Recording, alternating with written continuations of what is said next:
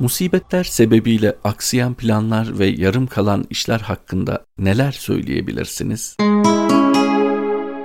Musibetler ve hastalıklar insana bazen paydos emri verirler. Kişiyi durduran, onu ara vermeye çağıran birer davetçidir musibetler. Bu paydos emri kişiyi kendine, ruhuna, kalbine döndüren birer çağrıdır. Bu paydos emri kimi zaman önceki dönemlerde çok çalışıldığı için bir tebrik mahiyetini taşır. Cenab-ı Hakk'ın insanı bu şekilde dinlendirmesine işsizlik adını vermekle, yaşanan bu sürece musibet ismini takmakla bu gerçekler değişmez. Diğer yandan herkesin içinde var olan bir inziva ihtiyacını da gidermektedir bu süreçler. İnziva hayatın karmaşasında Rabbi ile buluşamayan, ona vakit ayıramayan, onun huzurunda olma duygusunu hissedemeyen insan için bulunmaz bir fırsattır ve genellikle inziva inziva ortamları ve zamanları musibetler tarafından hazırlanır. Hastalık ve musibetler onları değerlendirmeyi bilen insanlar açısından birer inziva, birer itikaf imkanıdır. Bu vakitler yalnızca Rabbimize odaklanmak için değil, sevdiklerimize, ailemize odaklanmak için de önemli birer fırsattır. Akıp giden hareketli yaşam içerisinde evimize, perdelerimize, lambalarımıza, eşyalarımıza odaklanma imkanı da bulamayız. Bu musibet dönemlerinde eşyalarımızla da ilgilenme fırsatı buluruz.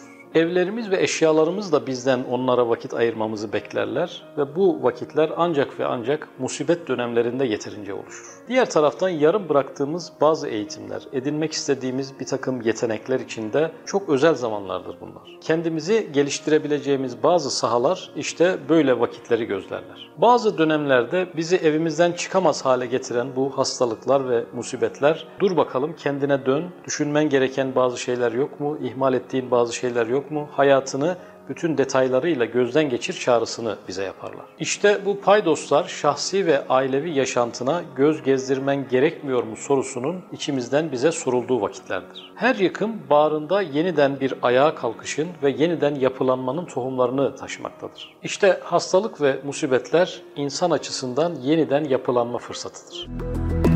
Müzik